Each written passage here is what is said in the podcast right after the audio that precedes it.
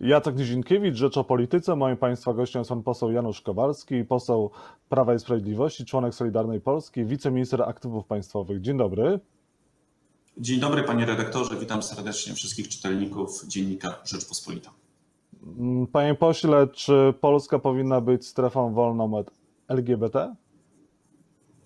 Polska powinna być przede wszystkim strefą wolną od ideologii LGBT, ponieważ w naszej konstytucji jest wprost zapisane, że rodzina to jest związek mężczyzny, kobiety to są e, dzieci. Wszelkie lewackie ideologie, które uderzają w tradycyjną rodzinę, więc promowanie takich relacji jak mężczyzna plus mężczyzna plus dziecko, są niezgodne z polską konstytucją, niezgodne z naszym dziedzictwem kulturowym, cywilizacyjnym i uderzają w tradycyjny system kulturowy, w nasze DNA polskiej rodziny. W związku z tym odrzucamy tą skrajną ideologię. Zresztą 12 lipca ponad 10 milionów Polaków poparło pana prezydenta Andrzeja Dudę właśnie między innymi dlatego, że postawił bardzo mocno akcenty w kampanii wyborczej na ochronę polskiej rodziny i sprzeciw wobec ideologii LGBT. No ale sześć gmin nie dostanie dofinansowania z Unii Europejskiej, nie dostanie środków właśnie przez to, że jak uważa Unia, dyskryminują część społeczeństwa, społeczeństwa właśnie zamieszkałego te gminy. To jest wielki skandal i nie wolno pozwolić na to, aby ani jedno euro zostało Polsce odebrane polskim samorządom, jakimkolwiek polskim instytucjom za to, że przestrzegamy polskiego prawa, za to, że mówimy nie ideologii LGBT, za to, że chronimy polską rodzinę.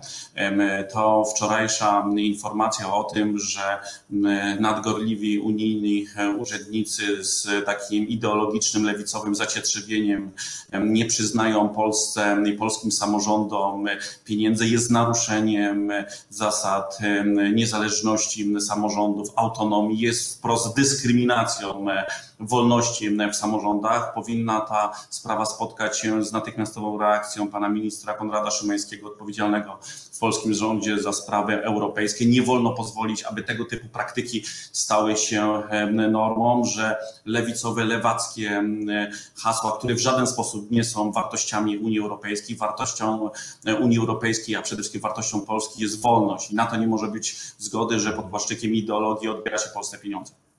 Czyli rząd powinien zareagować i w tej sprawie nie odpuścić. Te gminy, które są wolne od LGBT, e, powinny dostać unijne dofinansowanie, tak?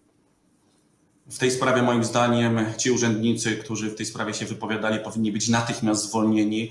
Chcę przypomnieć, że to polski podatnik płaci z naszych pieniędzy, z naszego budżetu ogromne pieniądze na pensje tych brukselskich eurokratów i takie skandaliczne dyskryminowanie polskich samorządów, które działają zgodnie z polskim porządkiem prawnym, musi natychmiast spotkać się z reakcją pana Konrada Szymańskiego, ministra odpowiedzialnego za sprawy europejskie. To jest kwestia polskiej suwerenności, to jest kwestia również przejrzystości, transparentności działania władz lokalnych polskich samorządów. Oczekuję również od Rafała Trzaskowskiego, który w kampanii wyborczej mm, budował swój wizerunek jako obrońca niezależności i autonomii samorządów. Jego stanowczej reakcji jest przecież wiceszefem Europejskiej Partii Ludowej, szefem jest e, Donald Tusk. Oczekuję bronienia polskiego stanowiska, że nie ma zgody na to, aby e, unijni eurokraci zaczadzeni ideologią LGBT odbierali Polsce e, pieniądze. Nie ma do tego podstaw prawnych, jest to działanie pozatraktatowe i nie ma na to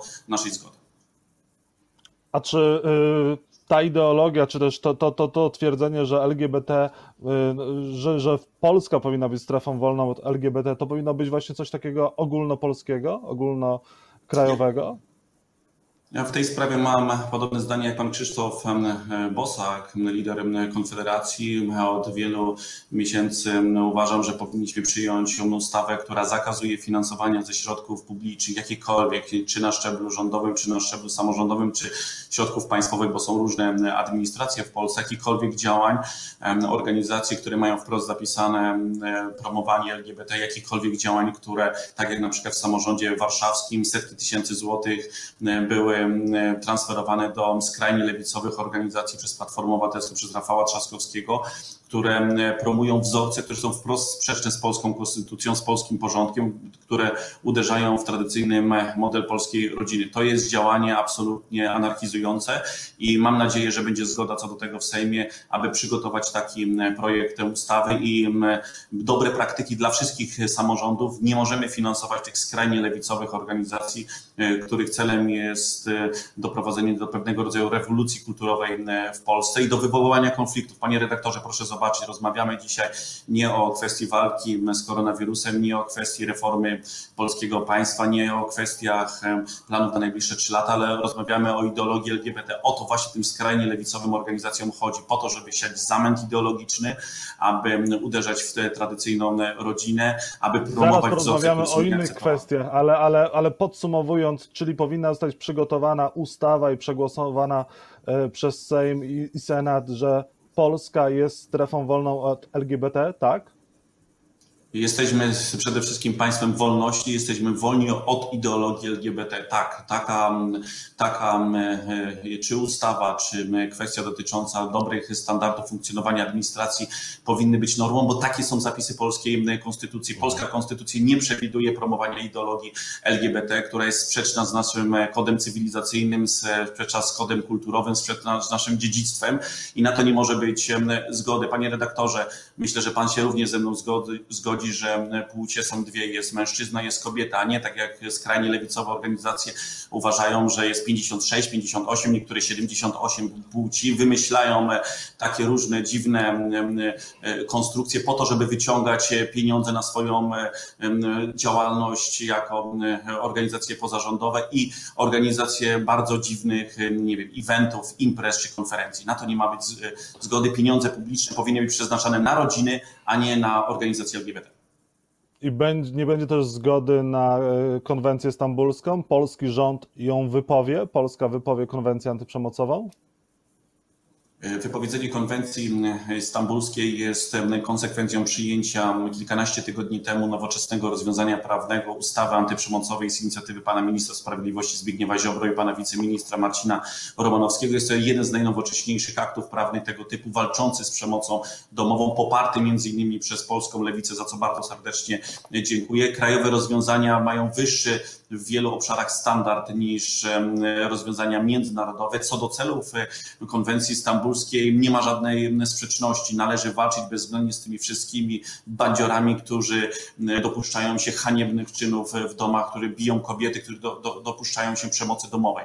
Ale warstwa ideologiczna konwencji stambulskiej jest bardzo niebezpieczna. Daje właśnie podstawę takim politykom jak Rafałowi Trzaskowskiemu w swoim artykule 12 czy 14 do przyjmowania niezgodnych z konstytucją e, e, działań takich jak właśnie karta LGBT, ponieważ konwencja stambulska mówi wprost, że system edukacyjny powinien być tak zmieniany, aby walczyć ze stereotypami, walczyć z tradycją, walczyć z kulturą. No to jest jakaś ideologiczna, genderowa, Ale chwilę, chwileczkę, chwileczkę. Ja, ja czytałem tą konwencję stambulską i nie przypominam sobie, że tam była w ogóle walka ani z rodziną, ani z tradycją, ani, ani, ani z kościołem. To pan poseł chyba troszkę nadinterpretowuje sytuację. To jest raczej walka Panie redaktorze, trzeba... dyskryminacją. Panie redaktorze, trzeba konwencję i artykuł 12-14 również czytać z wyjaśnieniami z interpretacją Rady Europy oraz innych urzędników. Tam jest dokładnie zapisane, że na przykład jeżeli chodzi o model rodziny, to konwencja również dotyczy osób homoseksualnych, transpłciowych, przepraszam, ja nie znam tych wszystkich 56 płci, a nie tradycyjnej, tradycyjnego modelu mężczyzna, kobieta, dzieci, więc zdecydowanie proszę proszę pamiętać, że każdy niejasny przepis ideologiczny otwiera furtkę dla europejskich, brukselskich eurokratów do rozszerzania ideologicznego e, rozumienia tego tekstu. I artykuł 12-14 mówi wprost, panie redaktorze, e, o stereotypach kulturowych i stereotypach związanych z tradycją. My mamy walczyć z przemocą. Ja mogę powiedzieć ostatnie zdanie, jako był wiceprezydent Opole odpowiedzialny za sprawę społecznej, nadzorowałem Miejski Ośrodek Pomocy Rodziny, spotykałem się z ofiarami przemocy i wiem jedno, że źródłem przemocy domowej są patologie. Jest narkomania, przede wszystkim alkoholizm, są uzależnienia i z tym trzeba bezwzględnie walczyć a nie kwestie, kwestie o których mówią właśnie ci brukselscy eurokaci, kwestie dotyczące, nie wiem, na przykład relacji państwo-kościół, kwestie dotyczące tradycji, to są jakieś naprawdę grube nieporozumienia. Trzeba walczyć ze, z realnymi źródłami, a więc na przykład z alkoholizmem. Panie pośle, moglibyśmy długo na temat tej konwencji. Myślę że też, że Oczywiście. zgodzimy się, że znamy wiele osób, które ani nie są alkohola, alkoholikami, ani narkomanami i jednak tą przemoc e, stosują, więc to chyba nie jest do końca tak, jak pan I mówi, ale jakby pan krótko Trzeba powiedział karać. jednoznacznie, czy będzie ta konwencja wypowiedziana i czy Solidarna Polska zrobi wszystko, że Polska wypowiedziała konwencję antyprzemocową. Czym to się skończy ostatecznie? Minister rodziny, pani minister Malon zdecydowanie powiedziała, że jest zwolenniczką wypowiedzenia konwencji stambulskiej. Czekamy na jej wniosek. Rada Ministrów powinna taki wniosek jak najszybciej e, przyjąć. Słowa pani minister rodziny, która w tej sprawie jest inicjatorem, bardzo cieszą i od jej szybkiej inicjatywy zależy, jak szybko ta konwencja zostanie wypowiedziana, bo co do tego, że Zjednoczona Prawica ma w tej sprawie jedno zdanie, nie ma żadnej wątpliwości. Ideologia LGBT jest zagrożeniem dla polskiej rodziny i dla polskiego kodu cywilizacyjnego. I kiedy ona może zostać wypowiedziana? Czy to będzie po wakacjach? Zajmie się tym rząd? No ja mam nadzieję, że jak najszybciej. To jest pytanie do pani minister rodziny, która zapowiedziała wypowiedzenie tej kon- konwencji. My zdecydowanie my akceptujemy e, to stanowisko i mam nadzieję, że jak najszybciej ta dyskusja zostanie zamknięta i zostanie ten wniosek złożony. Co z repolonizacją mediów, panie pośle? Po wyborach prezydenckich grzmiał pan na Twitterze, że czas na repolonizację. To kiedy i jakie projekty ustaw są już przygotowane? No dzisiaj właśnie rozmawiamy między innymi o tym w najbliższych dniach, tygodniach, jaka powinna być drogę na najbliższe trzy lata związana z rządzeniem przez obóz Zjednoczonej Prawicy. Jesteśmy zwolennikami tego, żeby to był pierwszy krok, a drugim krokiem będzie kwestia właśnie rekonstrukcji rządu, kwestia repolonizacji czy dekoncentracji, szczególnie jeżeli chodzi o media lokalne, gdzie ponad 90% mediów lokalnych należy do niemieckich koncernów. Jest kwestią dotyczącą jakości polskiej demokracji. W Niemczech nie ma takiego standardu, że 90% niemieckich mediów e, właścicielsko należy do obcych koncernów, na przykład francuskich, włoskich czy Ale macie już e, amerykańskich. ustaw, kiedy, kiedy, kiedy te zmiany wejdą w życie? No przede wszystkim trzeba dzisiaj podjąć jasną decyzję, jakimi e, metodami osiągniemy ten cel, czy to są kwestie ustawowe, czy kwestie dekoncentracyjne. Trzeba to robić zgodnie z porządkiem e, prawnym w Polsce, zgodnie oczywiście z porządkiem e, unijnym w zakresie koncentracji kapitału. Jestem przekonany, że dobre praktyki zostaną, zostaną wypracowane. Pan prezes e, Jarosław Kaczyński zwraca uwagę właśnie na e, te kwestie dotyczące jakości przekazu, wolności mediów i tego, że wszystkie rozwiązania muszą być zgodne z prawem. Najważniejsza jest dzisiaj kwestia przez, opracowania przez naszych liderów, przez pana prezesa Jarosława Kaczyńskiego, przez pana ministra Zbigniewa Ziobro i pana prezesa Jarosława Gowina jasnej agendy na najbliższe trzy lata. Ja jestem zwolennikiem ambitnych projektów i dokończenia reformy polskiego państwa i uwolnienie się od ostatnich złogów postkomunizmu. Zmiana ordynacji również powinna nastąpić? Ale ordynacji w jakim zakresie, panie redaktorze? Ordynacji wyborczej? Na przykład, że, że partie będą musiały mieć większy próg, żeby przekroczyć, żeby wejść do Sejmu? Znaczy, ja jestem zwolennikiem rozwiązań, które, które, które wzmacniają polską demokrację. Jestem na przykład zwolennikiem tego, aby mniejszość niemiecka w województwie opolskim nie korzystała z preferencji, z której dzisiaj korzysta i aby wyborcy mniejszości niemieckiej mogli głosować na formacje, które startują ogólnopolsko, a więc tego jestem zwolennikiem, ale jaki będzie ostateczny, ostateczny kształt i czy w ogóle podejmiemy tą, tą kwestię, to zależy od decyzji liderów. Ja jestem zwolennikiem tego, aby wzmacniać em, procesy demokratyczne. W tym kontekście m, potrzeba jasnej dyskusji, między innymi również z, z opozycją, z panem Krzysztofem Bosakiem czy z panem Pawłem Kukizem. Szukajmy rozwiązań, które łączą, a nie które dzielą. Pan wyobrażał sobie współpracę z Konfederacją, może na przykład w przyszłym rządzie?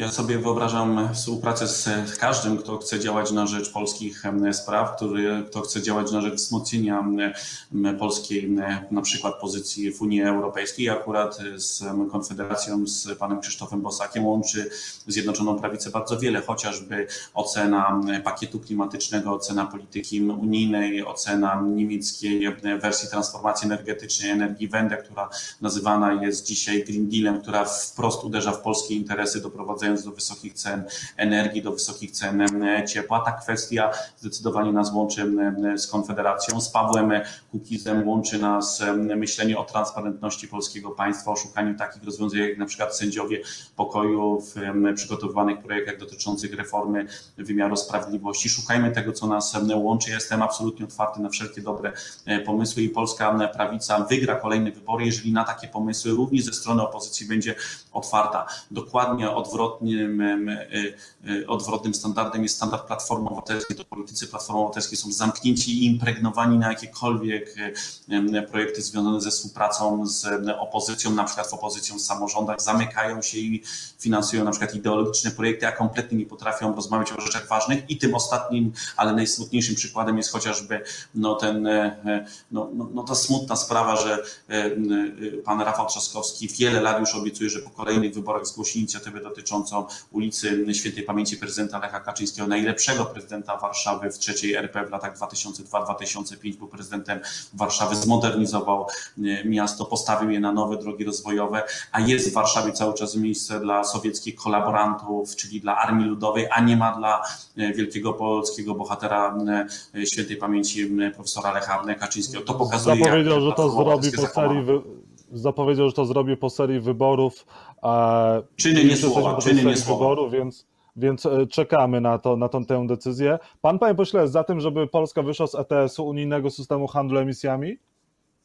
Ja zdecydowanie jestem zwolennikiem tego, żeby ten system handlu emisjami, który powoduje, że dzisiaj rachunki Polaków za energię elektryczną, za ciepło wzrastają drastycznie, bo chcę przypomnieć, że do ceny wytwarzania ciepła i energii elektrycznej do, doliczany jest taki unijny parapodatek, czyli kwoty związane z koniecznością wykupu emisji CO2. Dzisiaj jedna tona emisji to jest 33 euro, najwięcej od 33 lat i efekt jest taki, że polskie spółki elektroenergetyczne, chemiczne, hutnicze, cały polski przemysł energochłonny obciążany jest tym parapodatkiem. Spółki są drenowane z tych pieniędzy, nie mają pieniędzy na inwestycje i popieram tutaj szczególnie pana Piotra Dudę, szefa NSZZ Solidarność, który mówił kilka miesięcy temu o tym, że to jest konieczna sprawa, reforma unijnego systemu handlu emisjami. Dzięki temu polskie spółki, polski przemysł będzie mieć pieniądze, między innymi również na budowę i realizację zielonych inwestycji. Dzisiaj ten system Czyli jest po wyjść z ETS, postawiony na głowę. Znaczy, ja jestem zdecydowanie zwolennikiem tego rozwiązania, które przygotował razem z ekspertami we współpracy z znakomitymi ekspertami pan minister środowiska Michał Woś, a więc przygotował polską wersję ETS-u, która jest zgodna z unijnymi standardami, bo pamiętajmy, że Wielka Brytania wyszła w tej chwili z ETS-u, bo wyszła z, wyszła z Unii Europejskiej, więc jest idealny moment na reformę tego systemu. Co to oznacza? Oznacza to, że Polska jako jedyne państwo w Europie, które wytwarza energię energię elektryczną w 70% z własnych zasobów z węgla brunatnego i kamiennego, wręcz jest zobowiązane z uwagi na sukces pana premiera Mateusza Morawieckiego 12 grudnia 2019 roku. Nie zgodziliśmy się na tak zwaną neutralność klimatyczną, a więc zobowiązuje nas to do przedstawienia polskiej propozycji. Solidarna Polska Zbigniewa Ziobry proponuje tak zwany rabat polski, a więc propozycję, która w istocie ma doprowadzić do tego, że konkurencyjność polskiej gospodarki będzie zastosowana i tym właśnie pomysłem jest ustawa o polskim ETS-ie zgodna z unijnymi regulacjami po to, żebyśmy mieli kapitał na transformację energetyczną i aby ceny dla polskiej gospodarki, dla milionów Polaków, w tym również dla pana redaktora, były akceptowalne. Dzisiaj jest szaleństwo na rynku ciepła, jest szaleństwo na rynku energii.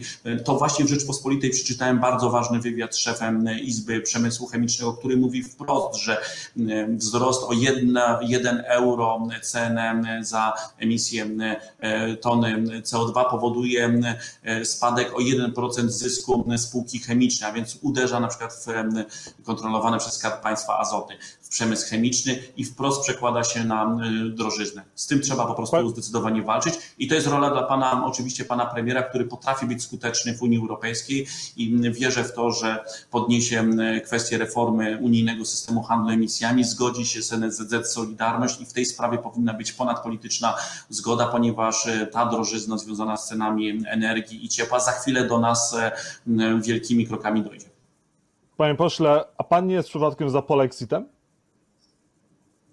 Absolutnie nie jesteśmy zwolennikami. Ja jestem zwolennikami obecności Polski w Unii Europejskiej. Unii Europejskiej rozumianej jako organizacja państw suwerennych, w których to decydują e, e, obywatele, wybierając swoich przedstawicieli. Jestem przeciwko federalizacji Unii Europejskiej i przeciwko właśnie tym złym praktykom unijnych. Nawet, nawet nie ma pan flagi unijnej w tle. Nie mają Panie redaktorze, ja jestem e, polskim e, posłem, jestem, nie mam również flagi innych organizacji e, międzynarodowych, do których należymy, nie wiem, NATO na przykład, czy OECD. Jestem polskim posłem, reprezentuję polski naród i przysięgałem na wierność polskiej konstytucji. O tym chciałbym, żeby Panie pośle, musimy, musimy część... kończyć, a mam do Pana jeszcze trzy krótkie pytania. Wkrótce skończy się kadencja Rzecznika Praw Obywatelskich. Czy doktor Przemysław Czarnek byłby dobrym, nowym Rzecznikiem Praw Obywatelskich?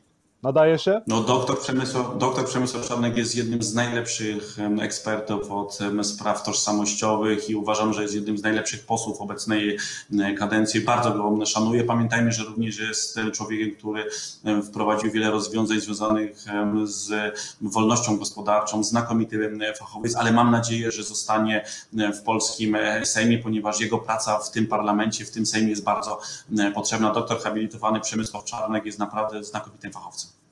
Czyli doktor habilitowany Przemysław Czarnek, nie na Rzecznika Praw Obywatelskich, to kto będzie w takim razie kandydatem PiS na to stanowisko za doktora Adama Bodnara? To jest, to jest oczywiście kwestia e, do dyskusji pomiędzy liderami Zjednoczonej Prawicy. Czekamy e, na decyzję na zbudowanie e, większości dla poparcia, bo pamiętajmy, że tutaj musi być również poparcie Senatu w tej sprawie. No na pewno dobrze, że kończy się czas tego obecnego Rzecznika Praw Obywatelskich, który nie zajmował się prawami obywatelskimi większości Polaków. Na przykład nigdy nie zareagował i to jest wielkie, wielka hańba dla Adama Bodnara. Nigdy nie zareagował, nigdy nie pomógł tysiącom warszawiaków, którym Rafał Trzaskowski nie wypłacał pieniędzy za odszkodowania za ustawę.